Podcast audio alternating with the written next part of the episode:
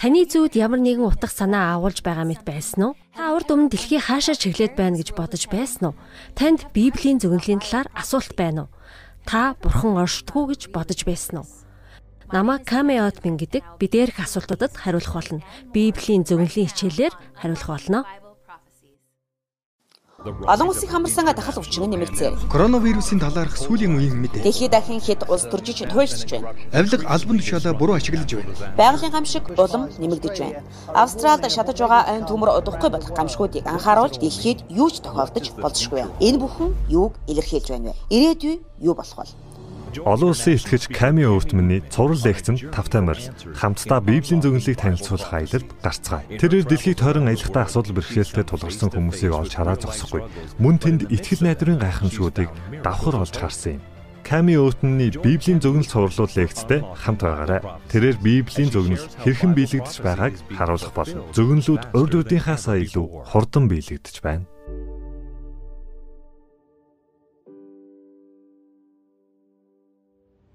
Сайн байцгаана уу? Намайг доктор Дуэн Маккей гэдэг. Би Дэлхийн Адвентист радиогын захирлаар ажилладаг бөгөөд бид 50 жилийн турш нэвтрүүлэг хийж байна. Мянга орчим радио станцаар дэлхийд даяар 130 хил дээр нэвтрүүлгээ цацдаг. Бидний ажил сэтгэл хөдлөм юм.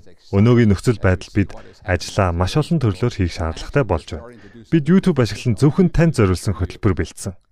Радиогийн дид ерөнхийлөгч Ками Өвтмөн 350 орчим лекц зохион байгуулж байсан бөгөөд Библийн зөвнөлөө цуврал лекцээ танилцуулах гэж байна. Тэрээр сэтгэл хөдлөм цуврал лекцүүдэд танилцуулах болно. Түүнийг Библийн зөвнөлийг танилцуулах үед та Библиэд танилцах боломжуудыг битгий алдаарай. Зөвнөлүүд бидний амьдарч буй цаг үед Есүсийг эрхийн өмнө биелэгдэх болно. Та нэг хичээлийг бүү алгасаарай. Библийн зөвнөлийг тайлахад лекцэд тавтаа морилно. Намайг Ками Отман гэдэг. Би Адвентист радиогийн дид ерөнхийлөгчөөр ажилладаг. Миний ажлын үүрэгт нэгэн чухал ажил багтдаг. Би гайхамшигтай үйл явдлуудыг баримтжуулдаг. Би дэлхийн азлагдсан газруудаар аялж Есүсийн авралын гайхамшигтай түүхүүдийг кино болгон бичиж авдаг. Жишээ нь хойд Солонгосын хил дээр очиж, эсвэл Филиппин террорист бүлгийн хүмүүстэй уулзаж, эсвэл Зимбабвед цаазаар ахуулах гэж байгаа хоригдлуудтай уулзаж байсан. Бурхан өнөө үед гайхамшигтай зүйлсийг хийн гэж зөвнсөн өгсөн. Тэрээр амлалтаа биелүүлж байгаа. Би орой болгон өөрийн нүдээр харсан гайхамшигтай түүхүүдэд та бүхэнтэйгээ хуваалцахыг хүсэж байна. Та бүхэн лекцийг маань үзээрэй. Бид дараагийн 14 хоногийн туршид Библийг судлах бөгөөд сэтгэлийг маань хөдөлгөж ухааныг маань сэрсэн сэдвүүдийг судлах болно. Энэхүү мэдээллүүд миний амьдралыг гайхамшигтайгаар өөрчилсөн. Би дэлхийн амьдралыг хөөцөлтгөө болж деваажин эрен хайх болно. Бурхан надад өгөө хуваалцах үүргийг даалгасан. Би Бурхны зөвгөнлүүдээс болж ариун Библиэд итгэж найдах болсон. Библийн зөвгөнлүүд үнэн гэдэгт итгэдэг. Бид Библийн зөвгөнлүүдээс судалгаагаа эхлүүлэх болно. Хэрв танд асуулт байвал хүссэн үедээ видеонд доор байгаа линкэн дээр дараарай. Ингэснээр бид асуултанд тань Библи ашиглан хариулт өгөх болно. Хэрв та залбируулахыг хүсэж байгаа бол доорх линкэн дээр дарна. Ингэснээр манай баг та нарын төлөө баяртайгаар залбирах болно. Өнөө өрөө үнний нууцуудыг нээж Библийн зөвнөл бодтөө үнэн үү эсвэл үлгэр домгүй гэдгийг судлах болно. Энэ бол Библийн зөвнөлийг тайлах түлхүүр юм а. Библи өөрөө өөрийгөө тайлбарладаг. Бид Библиэлд байдаг бол итгэж, Библиэд нийцэхгүй байгаа бол хүлээн зөвшөөрөх хэрэггүй гэсэн уриатай ажилдаг. Та бүхэн энэ семинарын давуу талууд юу вэ? Энэ семинар надад ямар хамаатай юм бэ? Би яагаад анхаарах ёстой вэ гэж бодож болох юм. Библийн талаарх мэдээлэл таны амьдралыг утга учиртай болгоно. Бид дэлхийн өнөөгийн нөхцөл байдлыг олж харах болно. Библи дэлхийн түүхийн цаг хугацааг танилцуулдаг. Дэлхий хэрхэн үүссэн болон хэрхэн төгсөхийг танилцуулдаг. Хүмүүс дэлхийн сүүлчийн үйл явдлын талаар сэрэмжлүүлгийг хүлээн авах хэрэгтэй. Дэлхийд юу тохиолдох гэж байгааг мэдэх хэрэгтэй. Бид сатан буюу жүтгэрийн аргуудыг мэддэг байх ёстой. Тэр биднийг хуурч, сатааруулж, бурхны үннээс холдуулдаг ходдуулах гэж оролддог. Библиэд Бурхны олон үнэн илчлэгдсэн байдаг. Дэлхий тодорхой бус байдалтай өнөө үед бид асуултынхаа хариултыг хаанаас авах вэ?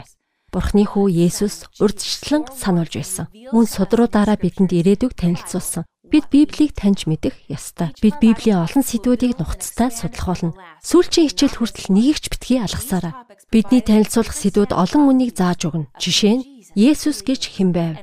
Тэрээр юу гэж сургасныг таньж мэдснээр бид түүнийг дагах боломжтой болох юм. Энэ цувралын төгсгөл Библи дээрээс илчлэлт 13 дугаар бүлэг дээрх араат нь юу вэ гэх мэтийн асуултын хариултыг мэддэг болно. Аратны шинж тэмдэг ямар байх вэ? 666 гэдэг тоо Библиэд байдгүй. Бурхан амьд бурхны тэмдгийг хэрхэн дүрсэлсэн байдаг вэ? Библиэлд биднийг тэмдэг хүлээн авна гэж бичсэн байдгийг та мэдэх үү? Диваачнд орохын тулд бид бурхны тэмдэг авах ёстой. Библиэд өгсний дараа хүнд юу тохиолддог гэж заа. Энэ бүхэн таныг гайхшруулж магадгүй юм. Бурхан аврагдах түүний хүмүүс ямар шин чанартай байна гэж заадгийг мэдэх үү?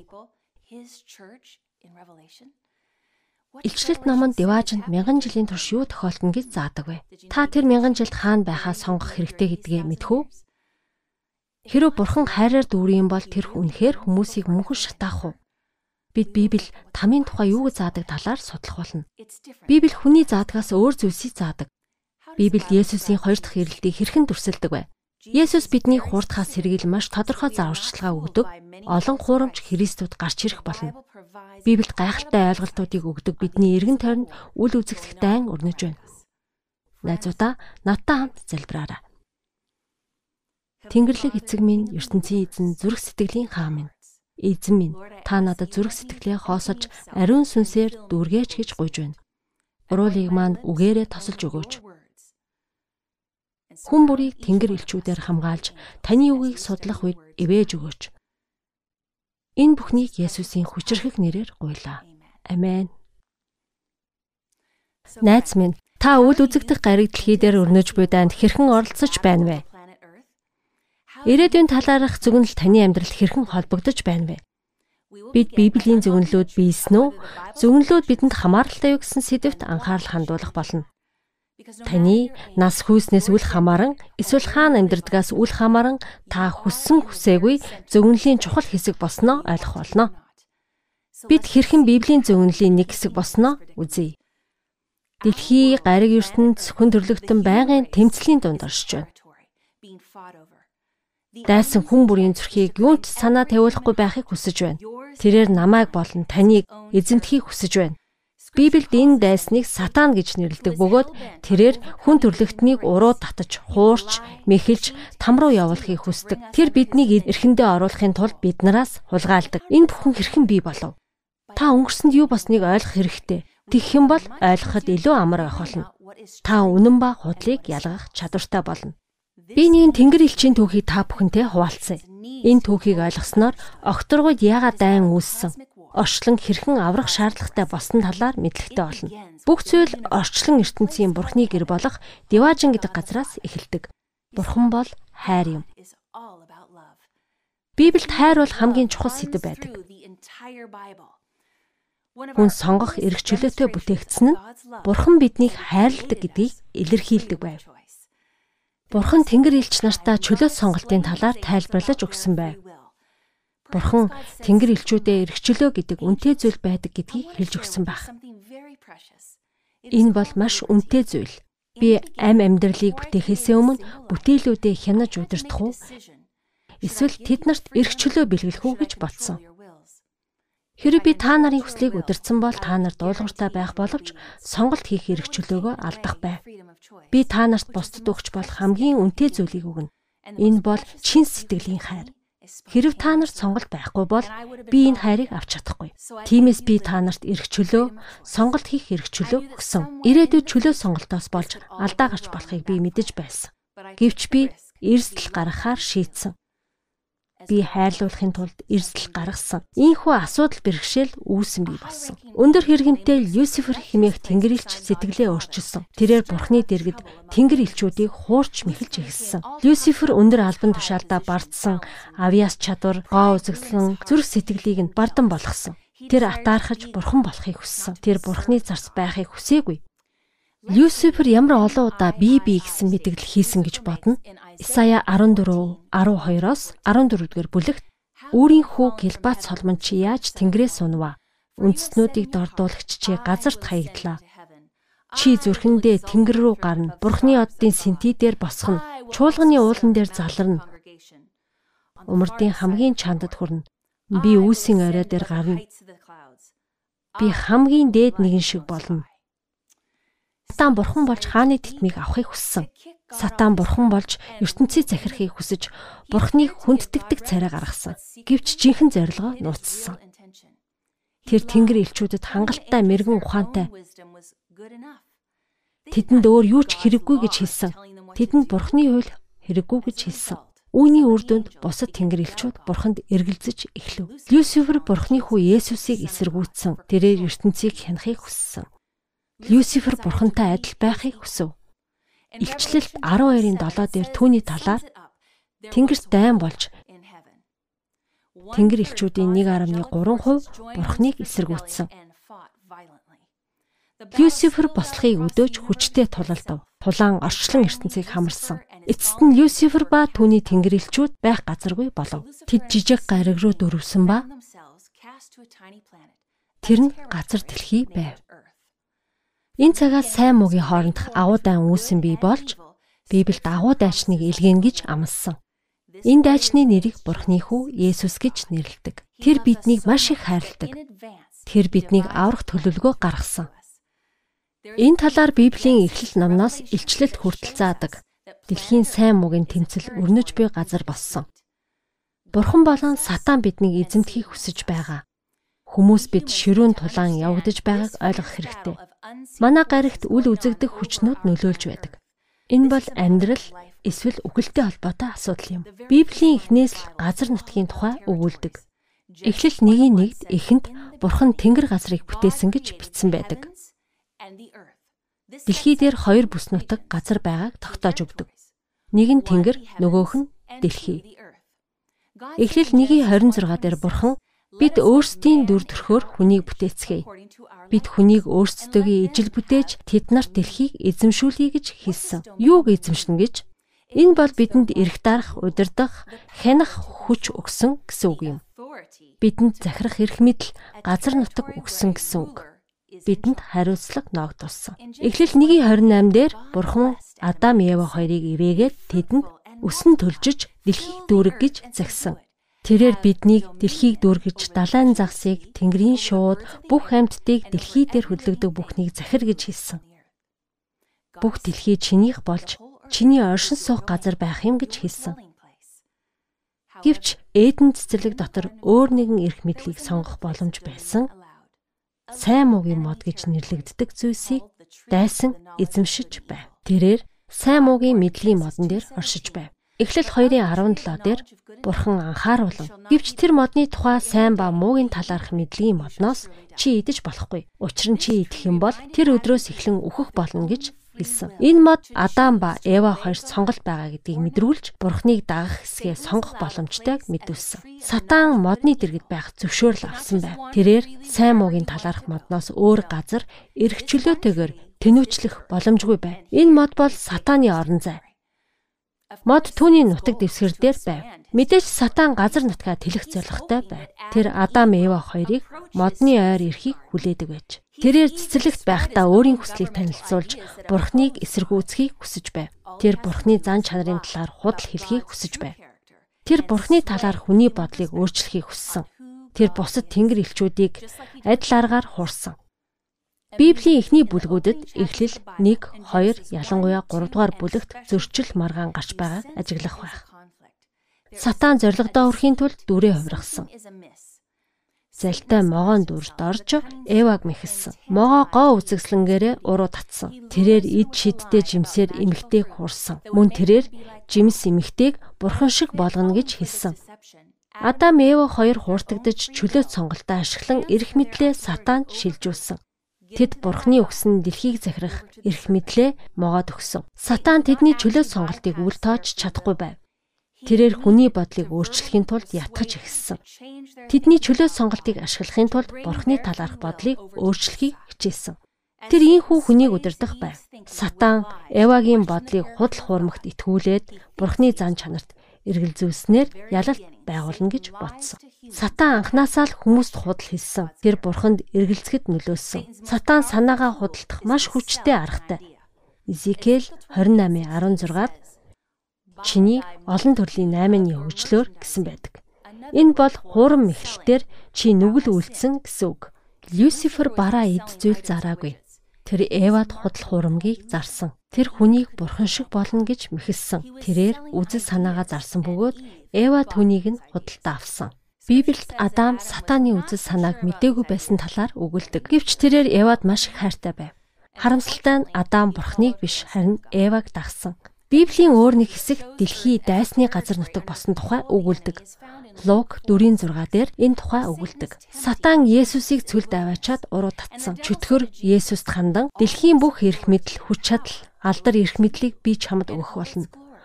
Учир нь энэ бүхэн надад өгөгдсөн би эдгээрийг хүссэн хүмүүстээ өгнө гэж хэлсэн. Библийн энэ ишлэл бодит байдлыг харуулдаг. Сатан эрх мэдэл өгсөн гэсэн утгатай үгсийг хэлсэн. Түүнд урдын цагт хин нэгэн эрх мэдлээ өгсөн гэсэн үг. Есүс сатан дэлхийн эрх мэдлийг эзэмшдэггүй гэж маргаагүй гэдгийг анхаараарай. Есүс төр хүлээгээрээ сатан дэлхий чинийх биш гэж хэлээгүй. Тиймээс сатан ийм эрхтэй гэж хэлэх боломжтой болсон. Есүс Паул хоёр дайсны байр суурийг хүлээн зөвшөөрсөн болохыг анхаараарай. Йохан 12-ын 31 дээр Есүс дэлхийн эзэн ба ханхүү доош хаягдсан гэж хэлсэн. Есүс энэ дэлхий дээр ирснээр сатан буюу дайсныг ялан дийлэхдээ Есүс түүнийг нэрээр нь дуудсан. 2 дугаар Коринт дээр түүнийг энэ дэлхийн захирагч гэж нэрлсэн. 2 дугаар Коринт 4:4 дээр Илч Паул сатаныг шууд хүмүүсийн оюун ухааныг сохолсон энэ цаг үеийн бурхан гэж нэрлсэн. Үл итгэгчдийн хувьд сатан бол энэ дэлхийн бурхан юм. Эфес 2-ын 2 дээр сатаныг агаарын хүчний ханхүү гэж нэрлсэн байдаг. Энэ нь сатан хүчил төрөгчийн хангамжийг хяндаг гэсэн үг биш. Энэ дэлхийн соёл ёсыг удирддаг гэсэн үг. 1-р Иохан 5:19 дээр дэлхий бүхэлдээ түүний дор байдаг гэсэн байдаг. Энэ нь хорон мөгийн хүч гэсэн үг. Библи сатаныг хэрхэн төрсөлснийг та харж чадаж байна уу? Бидний соёл өнөөгийн түгээмэл нөлөөгөөр удирдуулдаг. Нийгэм махбодын хүсэлтэд удирдуулах чих хандлагатай болсон. Нүдний тачаал бол амьдралын бахархал болсон. Эдгээр нь бурхных биш харин сатааны зарчмууд. Дэлхий дээрх зарчмаар удирдуулж байна. Одоо та бүхэнд үл үзэгдэх дайн тулааны тухай танилцуулъя. Йов номын 1-р ишлэлдэр Удс нутагт нэгэн хүн амьдран сууж байжээ гэж ихэлсэн байдаг. Тэрээр гин буруугүй Йов гэдэг хүн байв. Шулуун шудраг бурхнаас имэж бузар муугаас зайс хийдэг байв. Цөөн хідэн ишлэлдэр Йов 1-6 дээр Бурхны хөвгүүд нэгэн өдөр өөрсдийгөө эзэнд танилцуулахаар эзний өмнө иржээ. Тэдний дунд сатан байв тодорхой цаг хугацаа ба газар үйл явдал өрнөж байна. Эзэн хөвгүүдэд дуудаж бурхны хөвгүүд хариуцсан газар нутгаасаа эзэнтэй уулзахаар ирсэн байна. Эфес номонд Паул эрх мэдл удирдагч нарыг удирдагчд хаад ноёд буюу бурхны хөвгүүд гэж нэрлсэн байдаг. Диважинд чөтгөр дэлхийг төлөөлөн ирсэн байв. Тэрээр Диважингийн удирдах зөвлөлд оролцсон Йов 1:7 дээр Бурхан сатаанд хандан чи хаанаас ирв гэж асуусан. Бурхан чи энд юу хийж байгаа юм бэ гэж асуугаагүй анхаараарай. Тэрээр эндээс явч гэж хэлээгүй. Бурхан сатаныг хаанаас ирснийг нь асуусан. Энд байх ямар эрхтэй болохыг нь асуусан. Чи хэнийг төлөөлж хаанаас ирснийг нь асуусан. Чөтгөр тэр үед хаа сайгүй явлаа гэж бардамссан. Тэрээр дэлхий дээгүүр болон дээш доош явсан гэв. Сатан дэлхийг өөрийнх гэж хэлж байгааг ажиглаж байна. Бурхны бүтээсэн орчлон ертөнцид биднийг эзэмшдэг гэж хэлсэн. Сатан дэлхийг төлөөлөн уулзалтанд оролцох эрхтэй гэж үзсэн.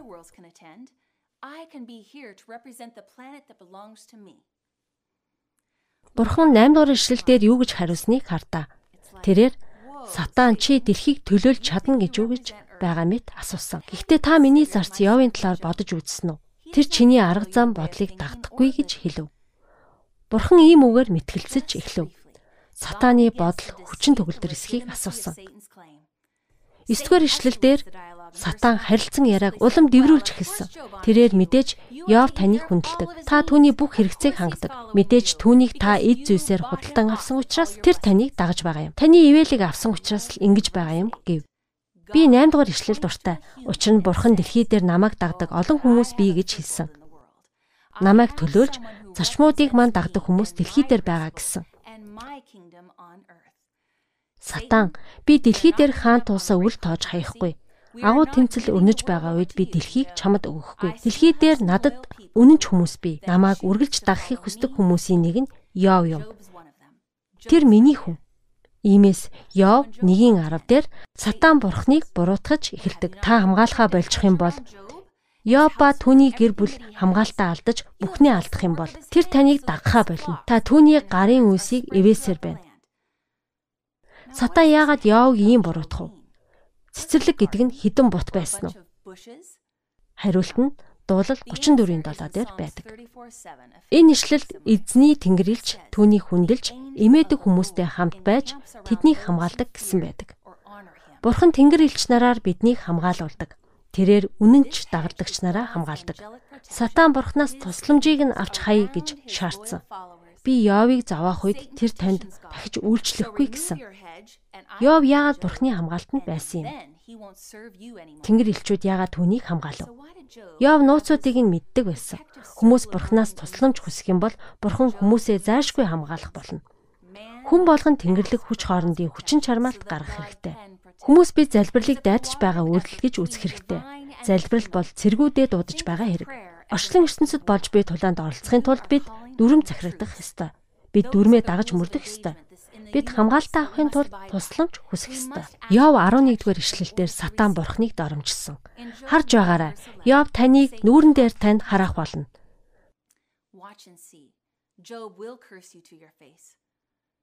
Хэрв Йов бурхныг хараасан бол бурхан түүнийг хамгаалах боломжгүй болох байсан. Ингэснээр Йов сатааны иргэшээлд бүрэн орох байсан. Гэвч Йов эзний нэр ерөөлтэй гэж үргэлжлүүлэн хэлсээр байв. Тэр бурхны хүн хിവэр үлдсэн. Ийм тулаан байнга өрнөж байдаг. Сатан хүмүүсийг зовоож байдаг. Хүмүүс бурхныг магтахын оронд бурхныг харааж эхэлдэг. Хүмүүсийн итгэлгүй байдал нь тэднийг бурхнаас холдуулдаг гэдгийг ойлгох хэрэгтэй. Тэд бурхнаас холддог. Нүүлт сатаныг эсэргүүцэх цорын ганц тусламж нь залбирал юм. Залбирал бол тэмцэл юм. Гэвч ихэнх хүмүүс залбирхаа мартаж сатаанд давуу тал өгдөг. Эхлэл 3:15 дээр нэгэн амлалт өгөгдсөн байдаг. Бурхан бидэнд гарах гарцыг минь өгнө гэж амласан. Тэр бидэнд зориулж аврагчийг бидний төлөө тулалдуулна гэж амласан. Бурхан Адам Ева хоёрын өмнө сатаанд хандан би чамаа хүнтэй дайсагнуулах болно. Энэ нь эмгтэй болон чөтгөрийн хооронд үзэн ядалт хүний үр удмын чөтгөрийн үр удмын хооронд тэмцэл бий болгож тэр чиний толгойг няцалж харин чи түүний өсхийг гимтэн гэж хэлсэн. between your seed and her seed and he shall bruise your head and you will only bruise his heel. Энэ ишлэлд бурхан эмэгтэйг аварна гэж амласан. Библи сүлд эмэгтэйгээр сүмийг бэлэгддэг. Бурхан чөтгөрт гимших боломжийг олгосон. Чи Адам Ева хоёрыг мэхэлж дэлхийг эзэмссэн. Гэвч эмэгтэйгээр дамжуулан аврагчийг илгээн. Эмэгтэй хүүхэд төрүүлэх үед хүү дайчин болж тэр чамааг эсэргүүцэх болно. Тэр толгоогч нь бяцлах болно. Харин сатан чи түүний өсгийг зөвхөн гэмтэн. Мэдээ сатан энэ зөвгөнлийг эсэргүүцсэн. Энэ зөвгөнлөөс болж сатааны үс босч тэрээр айсандаа Өө тийм үү. За тэгвэл тэмцлээ эхэлцгээе гэж хэлсэн. Сатан Тэнгэр элчүүдийн 3-ны 1-ийг ургуулсан гэдгийг санаарай. Тэрээр Тэнгэр элчүүдийн дараа нь Адам Ева хоёрыг ялсан. Тэрээр тэдний хуурч дийлсэн тул Бурхныг үгээ хэлэхэд Сатан Бурхантай зөрчилдөхийг хүсч Сатан амжилт гаргана гэдэгтээ итгэлтэй байсан. Гэвч Сатан ирээдүйд юу болохыг төсөөлөхгүй байсан. Тэр хүч чадлын тэмцэл болно гэж таамаглаж байв. Гэвч бурхан төсөөлөөгүй байдлаар ялалт байгуулсан. Сатан юу болох гэж байгаа талаар ямар ч төсөөлөлгүй байв. Сатан хин нэгэн ирж толгойг нь нэцлэх болно гэж бодож байсан. Эзэн өөрийгөө хүн болгон дэлхий дээр ирнэ гэдгээ хэлээгүй. Сайн ба муугийн дайн хүн бүрийн төлөө хийгдэж байгаа тэмцэл. Энэ нь та болон биднарт гэсэн. Та хүлээн зөвшөөрсөн эсхээс үл хамааран тулаанд оролцож байгаа. Бид Библиэд итгэж болно гэдгийг судалж мэдсэн байх хэрэгтэй. Библиэд итгэж болно. Библиэлд Даниэл 2 дугаар бүлэгт чухал түүх байдаг. Небухад Назар хаан зүү зүүдлөө. Даниэлийн номон дээр бурхан бидэнд зориулан түүхийн цаг хугацааг танилцуулж өгсөн байдаг. Дэлхийн хаант улсуудын дарааллыг харуулсан. Үүнийг судалснаар хүн бурханд эргэлзэх боломжгүй болох юм. Учир нь бурхан эхлэлийг төгсгөл хүртэл тунхагссан. Бурхан Исая 48 дээр юу гэж хэлснийг хараарай. 9 10 дугаар ишлэл. Би бол бурхан. Над шиг бурхан гэж байхгүй. Би эхлэлээс төгсгөлийг тунхаглаж эртээр үес хараахан болоогүй байгаа зүйлсийг танилцуулдаг.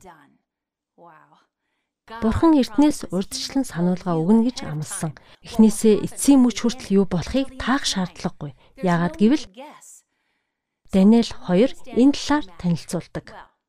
Хэдийгээр Даниэл ном олон мянган жилийн өмнө бичигдсэн ч нин чухал мэдээг цацруулсаар байна. Өнөө үед зориулан иш үзүүлэгч Даниэл бурхны мэдээг хүлээн авсан. Тэр дэлхийг удирдах хаан тулсыг үзэгдлээрээ харсан. Энэ богинохон зөгнөл бидэнд илүү төвхтэй Даниэл илчлэлтүүдийн зөвнөлүүдийг тайлахад тусалдаг. Эдгээр зөвнөлүүд сайн ба муугийн агуу хүчийг танилцуулж өгдөг. Тимээс Есүсийг төрхөөс 600 жилийн өмнөх зөвнөлийг судалцгаая. Дэлхий дээрх хамгийн том хот руу аялаж Вавилоны эртний хааны ордон руу явцгаая. Хааны ордон гялалцсан алтаар бүрхэгдсэн байх бөгөөд Небухад Назар хаан шүн унтаж чадахгүй хөрвөөж байв агуу хаан орон дээр аимшигтай зүуд зүудсэн. Гинт тэр сэрээд маш их айдас давтав. Тэр хэдхэн минутын өмнө зүудсэн боловч тэр зүүдээ санаж чадахгүй байх шиг байв. Тэрээр юр бусын зүуд зүудсэн гэдгээ мэдэж байлаа. Үнэхээр энэ бол Бурхны өгсөн зөвнөл байв. outlining history for the next two and a half thousand years. Даниэл 2-ын 1 дээр Небухаднасар хааны 2 дахь жилд Небухаднасар зүү зүүдлэв. Түүний сүнс маш их шансан учраас түүний нойр хулцсан. Хаан сэтгэлний хөдөлж унтаж чадхаа байсан байв. Тэр мэрэгдээ илвчид зурхаачтай дуудан ирүүлсэн. Илвчид ба хайлдичуд хааны ордон руу ирэв. Та түүнийг болох харахтай гэж бодож болох юм. Тэр зүү зүүдлээд мэрэгч төлөгч нараа дуудсан гэж үү гэж бодож болох юм. Эртээр үед хаад ийм л байсан. Хаадууд ихтгэлтэй зөвлөхүүдтэй байсан. Зөвлөх бүр тодорхой үүрэг гүйцэтгэдэг байв. Шидэнгүүд мэрэг төлөг буулгадаг байв. Шиднүүд ид шидэнд гүн гүнзгий авцсан байв. Тэд далд ертөнцтэй харилцаж нууцуудыг олж мэдхийг хичээдэг байв. Одон орон зурхаачид оддыг ажиглана. Одоо тэдэнд юу хийхийг нь хэлж өгнө. Эдгээр нь эртний аргууд ч өнөө хүртэл амьд оршсоор байгаа юу. Өнөөдөр ч хэрэглэж байна уу? ерөнхийлөгч, ерөнхий сайд нар өнөө үед ийм аргыг ашигласаар байгаа юм. Тийм. Небухаднасар хаан мэрэгдүүдэд хандан өчигдөр би юу зүудсэн мөн ямар утгатай болохыг хэлж өг гэв. Би чухал зүү зүудсэн боловч би зүүдээ санахгүй байна. Миний зүүдний утга юу вэ? Даниэл 2-ын 4 дээр мэрэгд хаанд хандан Оо хаа минь та үрд мөнх амьдрах болтугай. Та зарцнаартаа зүүдээ хэлж өгнө үү? Тэгээд бид зүүдийг тань тайлж өгье гэж хэлжээ. Хаан уурлан Би юу зүудснээ санахгүй байна. Та нар ойлгохгүй байна уу? Бурхан зүудийг нь мартуулж нууцлаг болгосон. Даниэл 2:9 дээр хаан шаардсан зүйлсээ дахин хэлж Миний зүудийг хэлж өг. Ингэснээр та нар нууцуудыг мэддэг гэдгийг би мэдэх болно гэв. Өөрөөр хэлбэл тэд дүр эсгэх боломжгүй болов. Та нар үнэхээр нууцуудыг мэддэг юм уу? Та нар ирээдүг мэддэг гэж хэлсэн. Одоо надад чадвараа батлаад өг. Даниэл 2-ын 10 дээр өндөр боловсралтай хаалт ичүүд өөрсдийгөө бусдаас илүү мэрэгэн гэж тооцдог байсан бөгөөд хааны шаардлагыг эсэргүүцэж Энэ дэлхий дээр тийм хүн гэж байхгүй гэж хариу барив. Хаа альнийг нь хэлж чадах билээ. Гэсэн ч асуудал байсан бөгөөд дэлхий дээр түүний хүснийг биелүүлэх хүн гэж байхгүй. Хааны хүсэлтийг хинч хэрэгжүүлж чадахгүй. Бурхан хааны зүүдийг мартууснаар хуурамч үзмэрчдийг илчлэх ёстой байв. Зөвхөн Тэнгэрийн бурхан л хааны зүүдийг илчлэх чадвартай байв. Хааны зүүдийг зөвхөн Диваажингийн бурхан л мэднэ. Бурхан ирээдүйгч нарийн танилцуулж чаддаг. Хаа мэрэгдийг бүгдийг устгахыг тушаасныг Даниэл сонсов. Тэрээр мэрэг төлөгч байгаагүй. Гэвч тэр хааны мэрэгдийн нэг байсан. Даниэлийг яагаад цаазлуулахаар босноо асуухад цаазаар авахч түүнд хааны зүүдний тухай ярьж өгөв. Даниэл хааны өмнө бараалхах зөвшөөрөл аваад хаа минь надад цаг өгөөч би залбирч Деважингийн бурхнаас зүүдийг мэдүүлж өгөөч гэж гуй. Тэнгэрийн бурхан надад зүүдийг илчлэх болно. Би эргэж ирээд хайлбарлаж өгнө гэж хэлв. Инхүү Даниэл залбирч бурхан зүүдээ үзүүлв. Мөн зүүдний тайлбарыг ч үзүүлсэн. Найзуудаа, Бурхны нууцуд залбирч байгаа хүмүүст өгөгддөг. Даниэл 2:23 дээр Бурхан минь, та миний эцэг, өг дээдсийн бурхан. Би танд талархаж, таныг магтаж байна. Та надад мэрэгэн ухаан хүч чадал өгсөн. Дараа нь Даниэл хааны өмнө очиж ямар ч мэрэгэн хүн зүүдийг тайлж чадахгүй хүлээн зөвшөөрөв. Даниэл 2:28 дээр тэрээр гівч тэнгэрт бурхан гэж бий. Тэрээр диваач нь байдаг бөгөөд нууцыг дэлгэн харуулдаг.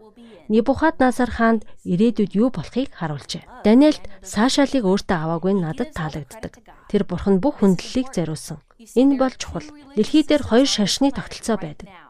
Нэг нь хүн төвтэй тогтолцоо, нөгөө нь бурхан төвтэй. Энэ тогтолцоо дэлхийн бүх хүний төлөө тэмцдэг. Өнөөдөр хэн хүн төвтэй тогтолцоог өмгөөлж байгааг хараад та гайхах болно. Бүх цуврал хичээлээ зааж дуусны дараагаар та аль тогтолцоог нь хүний төлөө байгааг харна. Одоо Даниэл руу буцаж оръё. Даниэл 2:21 дээр Бурхан хаадуудыг зайлуулж хаадуудыг томилдог гэж хэлсэн байдаг. Би нэшлэл дуртай бөгөөд хаан туус хэрхэн бий болж алга болдог талаар түүх ярьж өгнө. Энэ зөгнөл бидэнд түүхийг цаг хугацааг танилцуулдаг. Даниэлийн өдрөөс Вавилон, Медоперси, Грек, Ромын хаанчлууд бий болсон. Мөн түүх өнөөгийн Европын хуваагдсан гүрнүүд хүртэл үргэлжилсэн. Даниэл 2 дугаар бүлгэнд бидний цаг хугацааг зөгнсөн байдаг юм. Бурхан төгсгөлийн өдрийн талаар Даниэлд илчилсэн. 31-р эшлэлдэр хаантан таныг харж байхад харагтун гайхамшигтай нэгэн хөшөө харагдсан. Тэрээр сүр жавхланг маш сайн хийгдсэн байсан ба таны өмнө зогсож байла. Хэлбэр нь гайхалтай байсан гэж хэлв. Хөшөөний толгой наалт, цээж, гар нь мөнгө, ташаан хүрэл ба хөлн төмөр ба тавхаан төмөр шавраас бүтсэн. Шавар төмрөөс бүрдсэн бөгөөд таныг харж байхад хүний гар оролцоогүй чулуу шидэгдэж хөшөөг зогсон. Ийхүү төмөр шавраар бүтээсэн тавхаа олон хэсэг болон бутарсан. Тэгээд төмөр, шавар хүрэл, мөнгө ба алт бүхэлдээ бутлагдсан. Ийхүү яг л тэрэмцэн будаа шиг болсон. Салхи бол Библиэлд дайныг бэлэгддэг. Тэд ямар ч уул мөргүй болсон. Даниэл 2-ын 36-аас 38. Энэ бол таны зөв. Одоо хаантан минь би тайлбарыг хэлж өгнө хаан минь хаадын хаан буюу алтан толгой. Алтан толгой Вавилоныг төлөөлж байв. Энэ бол Небухадназарын хаан тус. Түүний хаан тус манай эртний өмнөх 605 оноос манай эртний өмнөх 539 он хүртэл дэлхийг захирч байв. Небухадназар хамгийн гайхамшигтай хаан тусыг байгуулсан. Энэ бол дэлхийн хамгийн баян эзэнт гүрэн байсан. Түүний хаан тус алтаар элбэг дэлбэг байв. Зөвхөн нэг сүм барихад Небухадназар 18 тонн алт ашигласан байв. Энэ бол 16 мянган кг гэсэн үг. Тэрээр дүүжин цэцэрлэг барьсан. Энэ нь эртний дэлхийн гайхамшгуудын нэг болсон. Алт бол үнэт металл.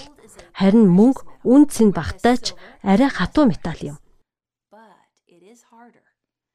Хаан тус бүр цаана нарийн утга учиртай байв. Хаан тусууд хүний үзэл сургаалаар удирдуулж байсан. Хаанчлууд илүү харгас болж төлөвшлөнд орооцоор байв. Ийхүү төмөр хүртэл буурсан. Небухаднасар хүчрхэг хаан тусыг байгуулсан гэж бодсон. Тэрээр хаанчлаа хизээж сүрэхгүй. Бүх дэлхийн хөлдөнд сунаж мөргөнө гэж бодож байв. Даниэл хаанд хандан таны хаанчлал устгах болно. Бардам хаан тийм зүйл хизээж болохгүй гэж хэлсэн. Тэр эхлээд даруй байсан. Гэвч яванда зүрх сэтгэл нь хатуурсан. Тэрээр Вавилон үрд оршно гэж бодсон. Би хаадын хааныг эсэргүүцэх болно. Би хаадын хааныг эсэргүүцэх болно. Миний алтан хаан тус хизээч сүрэхгүй. Хизээч мөнгө, хүрэл, төмөр эсвэл шавар болохгүй. Би өөртөө толгооноос хөл хүртлээ алтаар бүтээгдсэн хөшөө босгоно. Небухадназар үндэ юу гэж хэлж байв? Тэр Тэнгэрийн бурхныг эсэргүүцэж байв. Тэрээр бурхан минь би таныг эсэргүүцэж байна. Би хаан тусаа байгуулж та түүнийг устгах чадахгүй. Өнөөдөр ч гэсэн зарим хүмүүс хүчнөөд бурхныг эсэргүүцэж байна.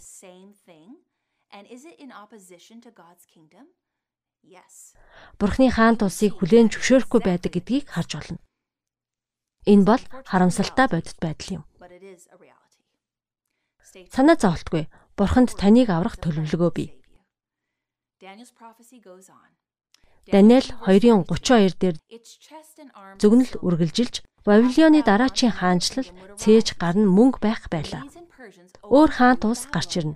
Медиа Персүүд Бабилончуудыг түлхэн унагсан. Та зөвнөлийн утгыг таах хэрэггүй. Даниэл 2:39 дугаар ишлэлийг уншаарай. Таны дараа өөр хаан тус гарч ирнэ.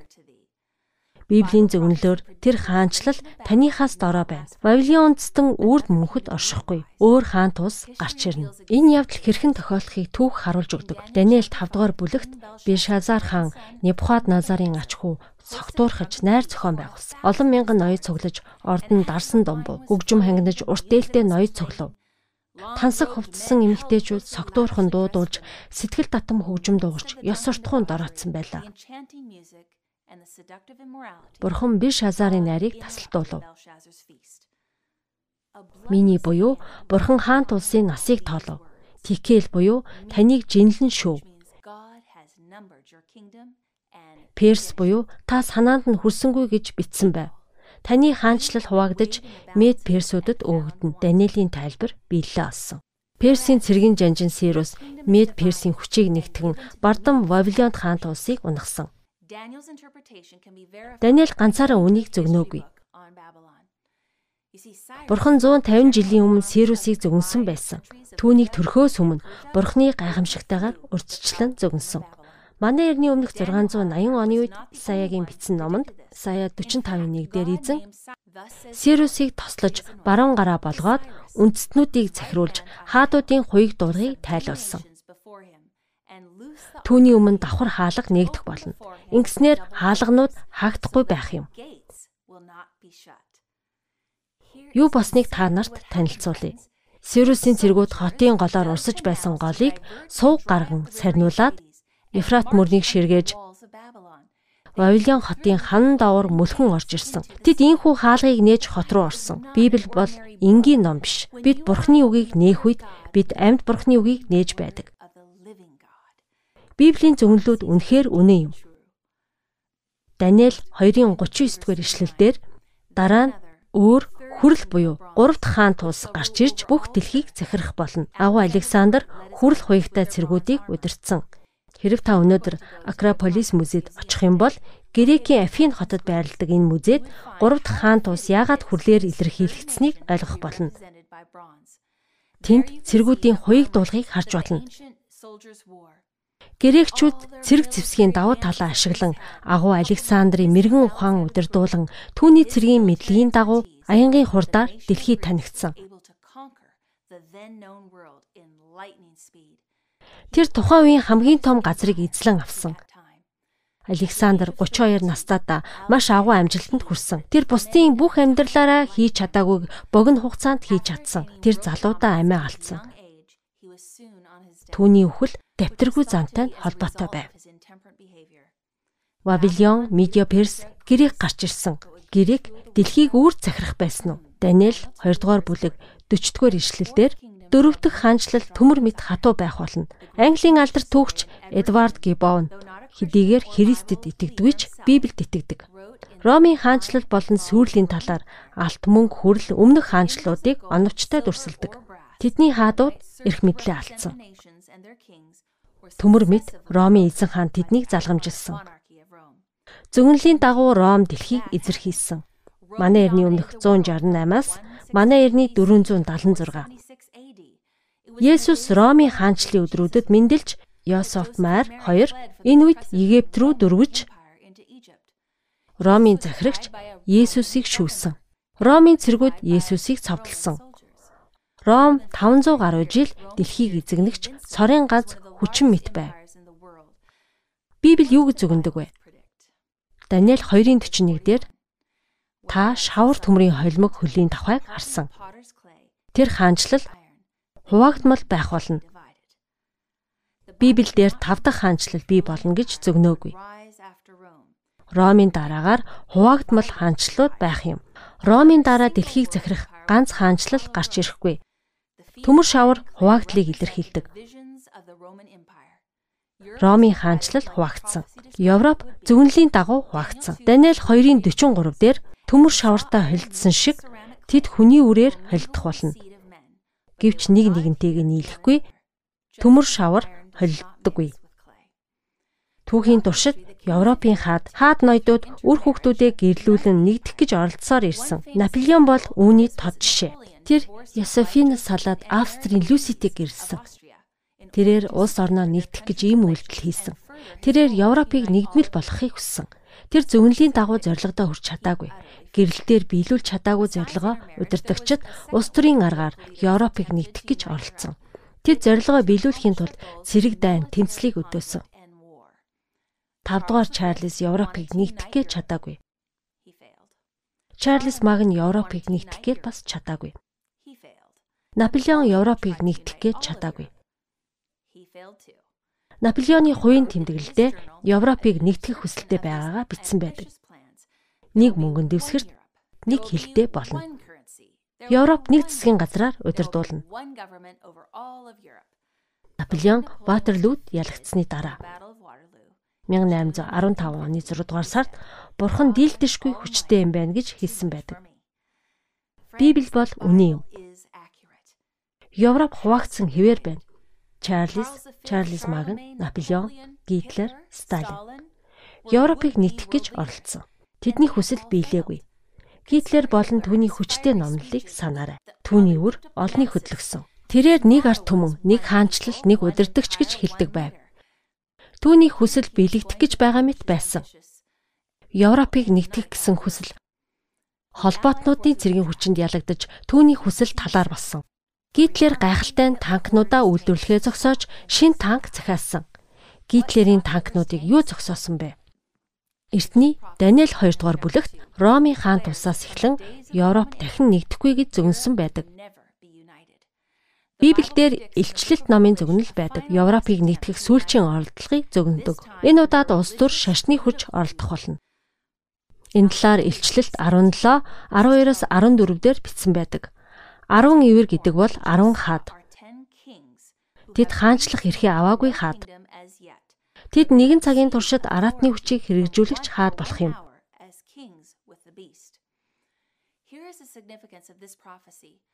Энэ зөвнөлд Европын улс орнууд дэлхийн бусад улс орнууд Есүсийг эрхийн өмнө богино хугацаанд улс төр шашны эрх мэдлэр удирдуулах юм. Илчлэлт номонд Европын богино хугацааны нэгдлийн тухай өгүүлдэг. Тэд нэг бодолтой болж араатанд эрх мэдлээ хүчээ өгнө. Нэг цаг буюу богино хугацаанд Европын улсууд нэгдэж Европыг нэгтгэх гэсэн хөдөлгөөн өрнүүлнэ гэсэн. Тэд дэлхийг нэгтгэх гэж оролдох уу? Европын холбоог бэлэгдсэн туг олон хүн нэг үзэл санаа гэсэн утгыг илэрхийлдэг. Үр дүнд нь евро гэдэг мөнгөн тэмдэгт бий болсон. Европыг нэгэн мөнгөн тэмдэгттэй болгох оролдлого. Илчлэлт номны эцсийн зорилгыг танилцуулдаг. Энэ нь араатны хүчин дор хүмүүсийг нэгтгэх оролдлого юм. Хүмүүсийг шашин улс төрийн хүчин дор нэгтгэж нэг тогтолцоонд оруулах гэж оролдох үед дэлхий дахин тэмцэлдэж ган гачиг өвчнөд нэрвэгдэнэ. Эдийн засаг нурах боловч дэлхийг нэгтгэх санааг танилцуулсаар байх болно. Нэгдмэл дэлхий нийгэм үүснэ. Библиэлд тэд нэгдснээр эрх мэдэл хүчээ араатанд өгнө гэж зөвнөдөг. Тэд Есүс болон хурагтай дайтах болно. Хураг тэднийг ялан дийлнэ. Бид яагаад дэлхийн хаанчлалд найдлага тавьж болохгүй вэ? Есүс Тэнгэрлэг хаанчлалыг өгөхөөр амласан. Илчлэлт 17 дээр эздийн эзэн хаадын хаан түүнд итгэсэн хүмүүс итгэлтэй хүмүүс гэж дуудагдах болно.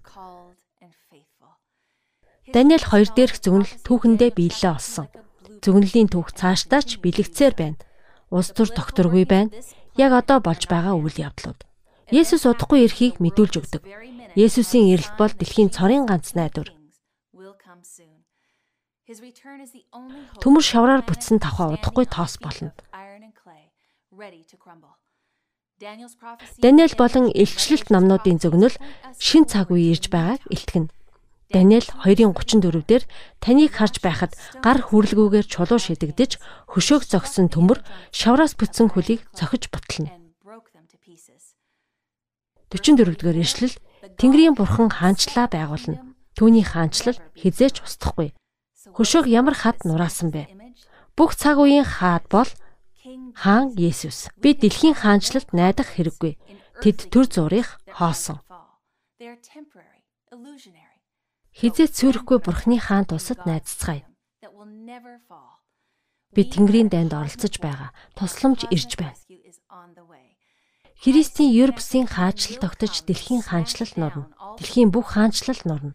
Илчлэлт 11:15 дээр хүчтэй дуу гарч дэлхийн хаанчлалууд эзний хаанчлал болон хувирч бурхан үрд хаанчлна. Амар тайвны хүсэгч хүний зүрх сэтгэл амар тайван үрдийн инх тайван авчирна. Бид дайн дажнаас айлгүй үр хүүхдүүдэд өсгөн хүмүүжүүлж ядуурл сүрлийг дахин харахгүй. Бид итгэл найдвар айдсгүй ирээдүйг хүснэ. Даниэл 2 дугаар бүлэг дээр хөшөө Фредигийн түүхийг сануулдаг. Би өмнөд Африкт радиогийн багтаа бичлэг хийсэн. Фредди шашинлаг гэр бүл төссөн. Аав нь санваартан боловч тэрээр шашинд дургүй байв. Тэрээр нас бид хүрээд бурхныг үл тоолсон. Гэтэл нэг өдөр их чинь хүний гарт амиа алдсан гэдгийг олж мэджээ. Фредигийн уур бухимдал болон хувирв. Тэрээр итгэл найдвараа алдаж архинд орсон. Түүний энэхүү буруу зуршил түүнийг амиа хорлох хүсэлтэй болгосон. Өдөржин арх ууж, шүн машинд мөргүүлэхийн тулд зам дээр унтдаг болов. Аз болоход найзууд цагдаа нар түүний гэрт нь хүргэдэг байв. Тэр сэрх үедээ яаж гэртээ ирснээ мэддэггүй байлаа. Тэр ийм үедээ бурхны талаар бодож эхлэв. Тэрнийг орой би хэн бэ гэх дуу сонссон. Тэрээр би мэдэхгүй гэв. Сайн бод. Уучлал бол хайр юм. Гэтэл Фредигийн эгчийн сүүлчийн фэйсбુક дээрээ бичсэн үгс нь дээрх үгс байхыг олж мэдэв. Ариун сүнс түүнийг Библи рүү хөтлж Фреди зүрх сэтгэлийг нь Есүс дүргэж чадах болов уу гэж бодсон. Фреди эгчийнхэн үгсэд итгэж болох эсэх талаар бодож үзв. Игч нь Библиэд үннийг заадаг гэдгийг яаж мэдэв? Библи зүгээр л нэг үлгэр биш шүү гэж бодоод Библи судлаад гайхшрав. Тэрээр Даниэл илчлэлтийн зөвнөлийг унссан. Библийн зөвнөл түүхтэй нийцэж Даниэл 2 дугаар бүлэг дээрх зөвнөл яв цав биелэгдсэн байв. Зөвнөл яг цагтаа биелсэн байв. Фреди Библиэд итгэж болно гэж бодов. Тэрээр бусдад Библи заадаг болсон. Даниэл 2 дугаар бүлэг дээрээс Библи үнэн түүхтэй нийцдэг гэдгийг танилцуулж эхэлсэн. Түүхийг үгүйсгэх боломжгүй. Бид асуудлаар дүүрсэн дэлхийд амьдарч байна. Дэлхий бидэнд шийдэл өгч чадахгүй. Харин Библи шийдэл өгдгийг бид харлаа. Бид хөлийн хурууны цаг үед амьдарч байна. Бид агуу хөшөөний зөвнөлийг судаллаа гар хүрлгүүгээр шидэгдсэн хад буун ирэхэд хөшөөг бутлахад дэлхийн хүчнүүдийг сүрүүлэхэд Есүс дахин ирж хаанчлаа байгуулна. Би энэ хаанчлалд орохыг хүсэж байна. Харин та хүсэж байна уу? Тэр цаг хүртэл дэлхий оронгороо эргэсээр байх болно. Эзэн минь сүрч буй дэлхийг хайрлсанд баярлалаа. Дэлхий дээр юу болохыг Есүс бүгдийг нь мэддэг. Тэрээр бүхнийг урьдчилан зохицуулсан. Тэрээр биднийг тайвшруулж итгэхийг хүсдэг. Та бурхан байдаг бидний хаан аврагч биднийг хайрладаг гэдгийг Даниэл 2 дугаар бүлэгт харуулж дэлхийн түүх хэрхэн өрнөхийг харуулаагүй гэж юу. Библийн зөвнөл яв тав биелсэн. Бурхан биднийг санаандгүй аюулд унгахгүй. Тэрээр бүхнийг мэдүүлдэг, хизээч өөрчлөгддөггүй. Бид түүний үгэнд итгэж болно. Есүс та бүхэнд хандан зүрх сэтгэлээ түүн зориулаач гэж уриалж байна. Бурхан болон түүний хаанчлалыг таньж мэдэх чухал сонголтыг хийгээрэй. Бурхан таны зүрх сэтгэл оюун ухааныг эзэмдэхийг та зөвшөөрөх үү? Хэрв та тийм гэж хариулсан бол доорх линкэн дээр дараарай. Бид таны төлөө залбирах болно. Тэнгэрийн эцэг хүчрхэг бурхан минь. Таны хаанчлал хаадыг томилдог та бидний хэрэгцээг хангаж хамгаална гэдгээ мэдүүлсэнд баярлалаа. Бид энэ бүгдийг Есүсийн ариун нэрээр залбирлаа. Амен. Та бүхэнтэй дахин уулзахыг хүсэж байна. Маргааш бид чухал сэдвийг судлах болно. Есүсийг ирэхийн өмнө ирээдүйн шинж тэмдгүүд юу байх вэ? Библи код 19-ийг зөгнсөн үү? Гэх мэт дараагийн хичээлийг үзээрэй. Бурхан биднийг маш их хайрладаг. Биднийг айд санаа зовох биш харин суралцахыг хүсэж байна.